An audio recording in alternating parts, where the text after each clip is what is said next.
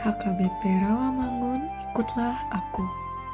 Jumat, 9 Desember 2022, memilih menjadi terang.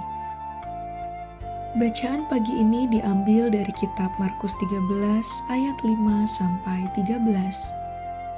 Bacaan malam ini diambil dari kitab Yesaya 19 ayat 14 sampai 18 dan kebenaran firman Tuhan hari ini akan kita dengarkan dari kitab Yesaya 60 ayat 3 yang berbunyi Bangsa-bangsa berduyun-duyun datang kepada terangmu dan raja-raja kepada cahaya yang terbit bagimu.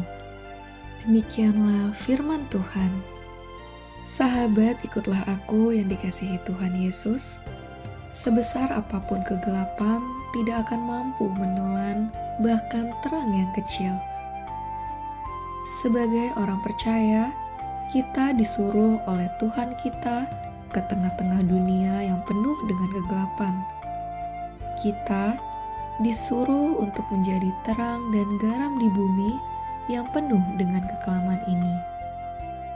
Dalam perjalanan kehidupan, tidak ada satupun manusia pun yang terbebas dari gelombang badai persoalan kehidupan.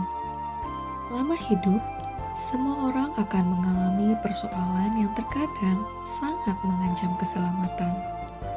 Banyak orang yang putus asa, banyak orang yang mundur, banyak yang menyerah karena kuatnya tekanan dan amukan dari badai persoalan kehidupan. Banyak pula yang menggurui atau bahkan mencela mereka yang sedang berputus asa. Bagaimana dengan dirimu? Pastinya hidupmu juga mengalami persoalan demi persoalan. Mungkin orang lain tidak tahu, tapi Tuhan mengetahui. Mungkinkah engkau tetap bersinar meski menghadapi pergumulan? Pandanglah sekelilingmu. Sesungguhnya, banyak yang membutuhkan terang yang menuntun. Semua orang bisa mengeluh dan mencela dunia yang sedang menuju kebinasaan ini.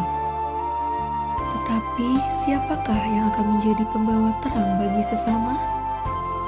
Bila engkau tidak bisa jadi matahari dengan sinar yang menghangatkan, maka jadilah bulan dengan sinar yang menyejukkan.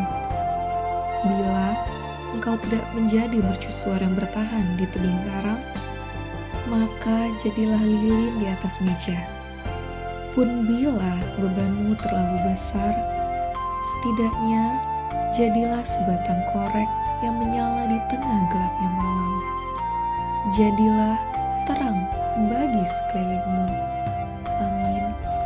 Marilah kita bersatu di dalam doa. Ya Yesus, terang abadi, berilah kami terangmu yang maha suci itu untuk menyinari kehidupan kami. Amin.